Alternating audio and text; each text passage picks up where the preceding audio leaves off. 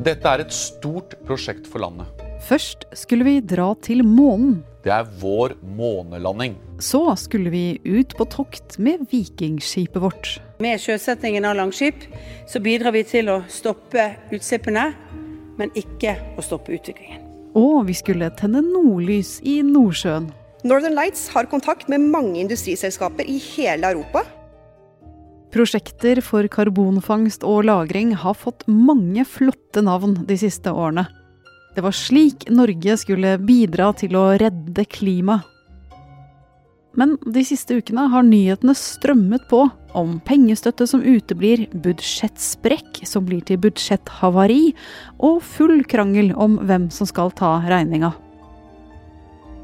Så spøker det for det nye norske industrieventyret? Du hører på Forklart fra Aftenposten. Jeg heter Marte Spurkland. I dag er det torsdag 25. november.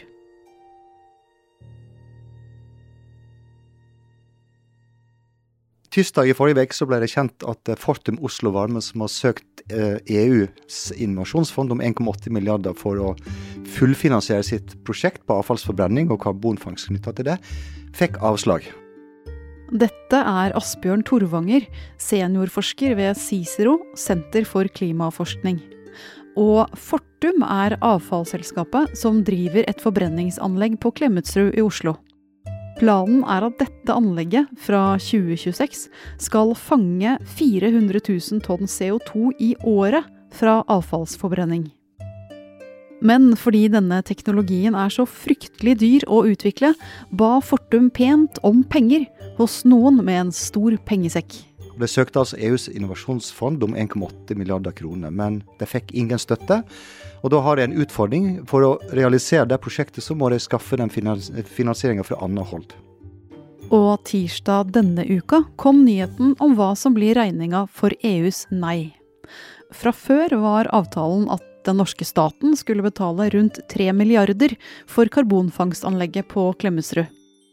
Uten støtte fra EU øker summen til 5,5 milliarder. Dette er bare ett av flere pengeproblemer for norsk karbonfangst og -lagring. Og som om ikke det var nok, så finnes det også miljøvernere og klimaforkjempere som er sterkt imot den norske satsingen på denne teknologien.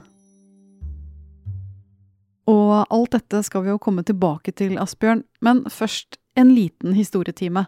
Hvor lenge har vi holdt på med karbonfangst og -lagring i Norge? Først må jeg jo nevne at ideen går tilbake til 80-tallet. Og det var to forskere på Sintef som kom med den ideen og det konseptet om at vi kan fange karbondioksid når vi bruker fossil energi, og så kan vi transportere det og lagre det geologisk. Og så hjelper det på å løse klimautfordringer. Men den første gangen det for alvor ble industri av det, var i 1996. For da bygde en karbonfangst på Sleipner-plattforma i Nordsjøen, som produserer gass. og Denne gassen den blir eksportert til kontinentet. Men den gassen inneholder for stor konsentrasjon av karbondioksid, og da brenner den litt dårlig. Så de måtte altså fjerne karbondioksidet fra gassen. Og så kunne de selvsagt slippe ut i lufta, men eh, de valgte altså å fange den og injisere den i berggrunnen eh, under Nordsjøen. Og hvis vi tar den tekniske biten av det, eh, hvordan fanges CO2? Det er en sånn teknisk som foregår det i, på den måten at du, du sprayer små dråper av dette kjemikaliet som er kalt amin, på toppen av en, tenk deg en svær sylinder. Og så lar du røykgassen stige oppover, og så sprayer du disse dråpene fra toppen.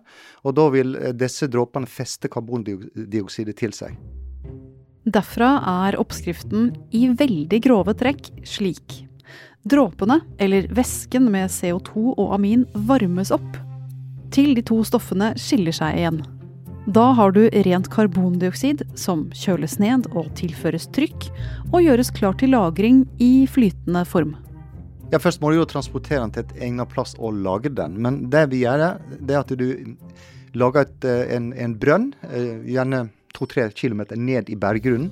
Og I norske eksempel så dreier jo dette seg om berggrunnen under Nordsjøen. Så du lager en brønn, omtrent som du skal pumpe ut gass eller olje, men du lager en brønn ned i en formasjon, og så tilsetter du trykk og, presser den der karbondioksidet nedover. Det er gjerne i en flytende form. Under bunnen av Nordsjøen blir flytende karbondioksid lagret i en bergart som passer perfekt til nettopp dette. Den mest vanlige bergarten der det er såkalt um, en akvifær, som er altså en sandstein. Gammel sand som er pressa i hop. eh, som, som, har pore, men som inneholder sjøvann. Så når du presser karbondioksid inn der i flytende form, så vil, så vil du også presse ut det sjøvannet. Og så kan den da holde på, på karbondioksiden. I tillegg må du da passe på at du har tett lag over, sånn at du ikke kan risikere at over tid så Omtrent som i en brusflaske, så stiger gassen oppover, og så slipper den til slutt ut eh, i sjøen og i lufta. Ok, så fra slutten av 1990-tallet så holder vi på med denne teknologien ute i Nordsjøen. Hva slags status har karbonfangst og -lagring de neste årene? Ja, Norge har jo alltid sett seg som en leier på karbonfangst og -lagring. Og vi prøvde oss jo på Mongstad. Ja, nettopp. Mongstad. Jens Stoltenbergs månelanding. Da president Kennedy sa at amerikanerne skulle lande på månen innen ti år, hadde ikke amerikanerne vært ute i verdensrommet. De kom til månen innen ti år. De satte seg mål, og de nådde målene.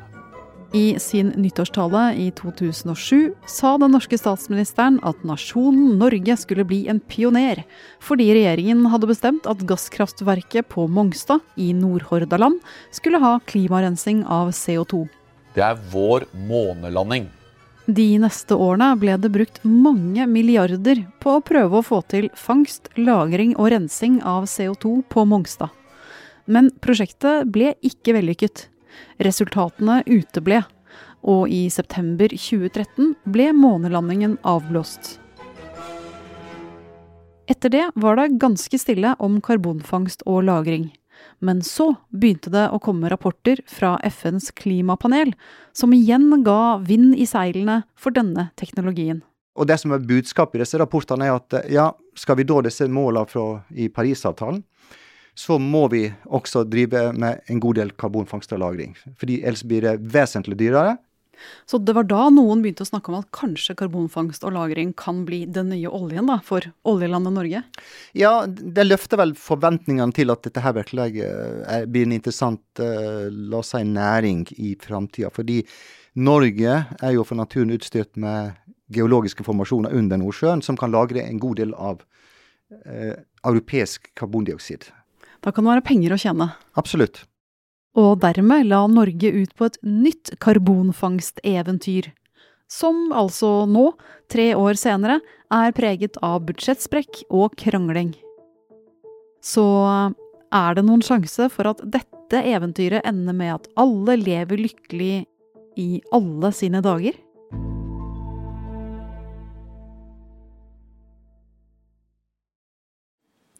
Langskip som vi lanserer i dag, vil bidra til å binde Europa bedre sammen.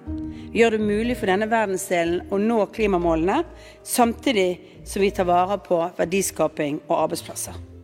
I fjor, 13 år etter Jens Stoltenbergs månelandingslansering, la Erna Solbergs regjering fram et nytt prosjekt for karbonfangst og -lagring. Men denne gangen skulle vi ikke til verdensrommet, men heller kjenne på vår stolte vikingfortid. Prosjektet ble kalt Langskip. Ja, Langskip-prosjektet er jo et, eh, i grunnen et pionerprosjekt når det gjelder å fange karbondioksid fra industri.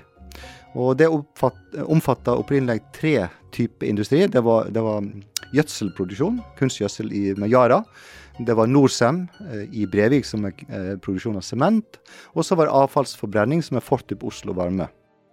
Yara trakk seg etter hvert ut av prosjektet, så da var det sementproduksjon og søppelbrenning igjen. Og det er ikke bare avfallsanlegget på Klemetsrud som har pengeproblemer. Det andre som har skjedd når det gjelder Norcem sitt prosjekt, er at uh, de har opplyst at kostnadene ved prosjektet vil stige med 912 millioner kroner. Og uh, det betyr nok at må, som må forhandle med den norske regjeringen om hvordan eh, de, eller den eh, summen skal dekkes inn. Så den delen av Langskip-prosjektet som handler om å fange karbondioksid, har foreløpig fått en litt vanskelig start. Men Langskip omfatter også lagring av CO2. Denne delen av prosjektet kalles Northern Lights, og den ligger betydelig bedre an. Og ideen er å få på plass dette som et system da, som skal være attraktivt for eh, norsk industri som produserer CO2 og ønsker å håndtere den. da. Men kanskje enda mer viktig, dette skal være et system og en infrastruktur som er på plass for eh, interessenter og bedrifter som produserer CO2 i Europa. Og vi ser jo at det er faktisk en god del interesse blant eh, europeisk industri for å delta i dette. Ja, så Her skal vi rett og slett eh, si til alle sammen at de kan komme med sin CO2 til oss, og så skal vi bare lagre den på trygt sted i havbunnen? Ja, og bakgrunnen, her må man også tenke på at bakgrunnen for dette er at eh, det er, Norge har, ser ut til å ha store ressurser når det gjelder å kunne lagre CO2 under eh, havbunnen i Nordsjøen. Mens de fleste land de har lite av den type ressurser. Så, så, det er ikke sånn at alle land kan operere med sitt lager. Så vi kan på en måte bli hele Europas klimasøppelplass? Ja, søppelplass er jo eh, litt mm, et spesielt ord der. Men eh, vi, kan, eh, vi har iallfall kapasitet til å ivareta en god del av karbondioksidet som blir produsert i Europa. Og for Northern Lights så tar de tre oljeselskapene hele regninga selv. Så de kan fortsette uansett hvordan det går med resten av Langskip-prosjektet. Og så er det jo sånn at uh, de håper jo da, eller de, regner jo med at uh, når vi er i gang med dette her, og, bedrifter i Europa kobler seg på dette, så vil de være interessert i å betale for det det koster både å transportere og lagre uh, dette karbondioksidet. Så her er det konkrete muligheter for inntjening? Absolutt. Men Langskip som helhet møter ikke bare på finansieringsskjær i sjøen. Det får også motvind i seilene fra oppgitte motstandere. Ja, Det er jo flere argument. Miljørørsla, spesielt i Europa, har jo vært bekymra for at eh, når du lagrer karbondioksid under, altså i berggrunnen, så kan den kanskje lekke ut. Og vi vet jo at karbondioksid eh, er usunt og farlig hvis det er i en større konsentrasjon. Ja, Er det farlig, da? Altså, Kan det lekke ut og bli en klimakatastrofe under havet?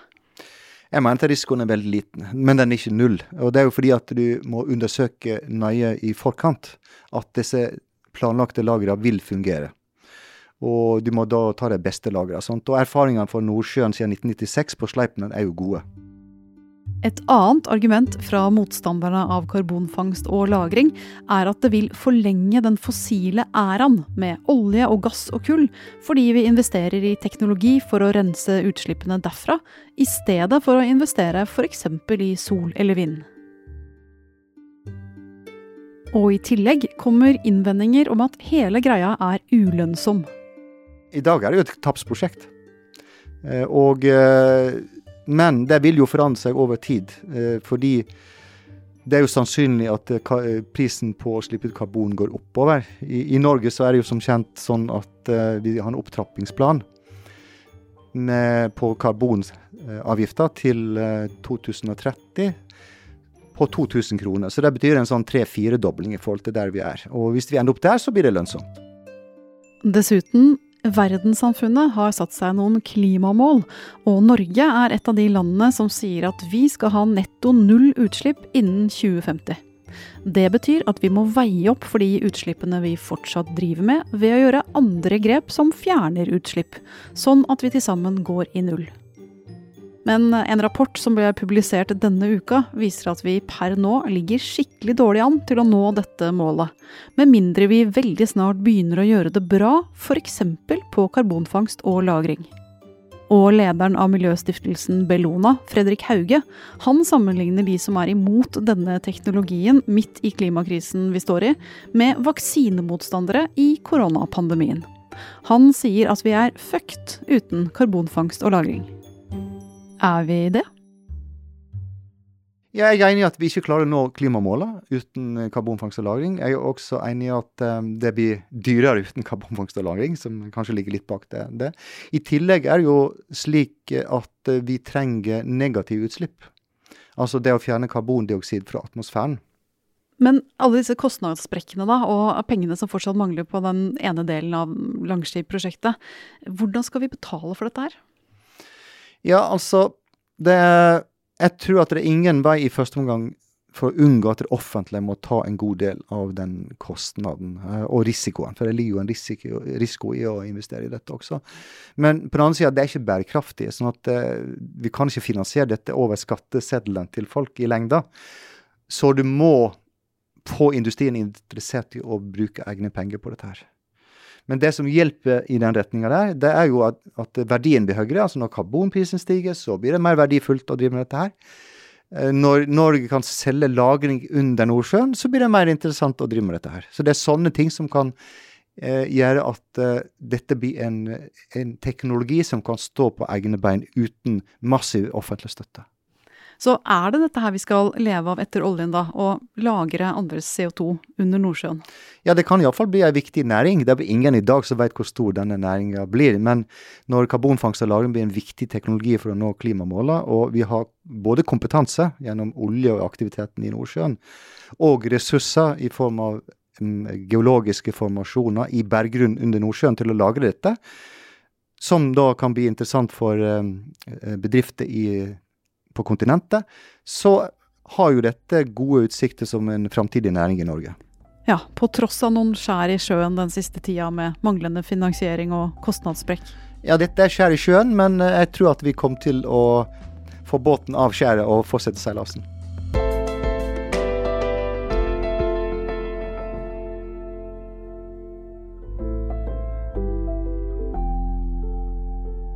I dagens Forklart har du hørt oss si karbonfangst og -lagring ca. 40 ganger på 15 minutter, godt hjulpet av Asbjørn Torvanger fra Cicero. Du har hørt lyd fra NRK og regjeringen.no. Det er Thea Wold Lyster, David Vekoni og jeg, Marte Spurkland, som har laget denne episoden. Resten av Forklart er Fride Nesten Onsdag, Synne Søhol, Anne Lindholm og Guri Leiel Skedsmo.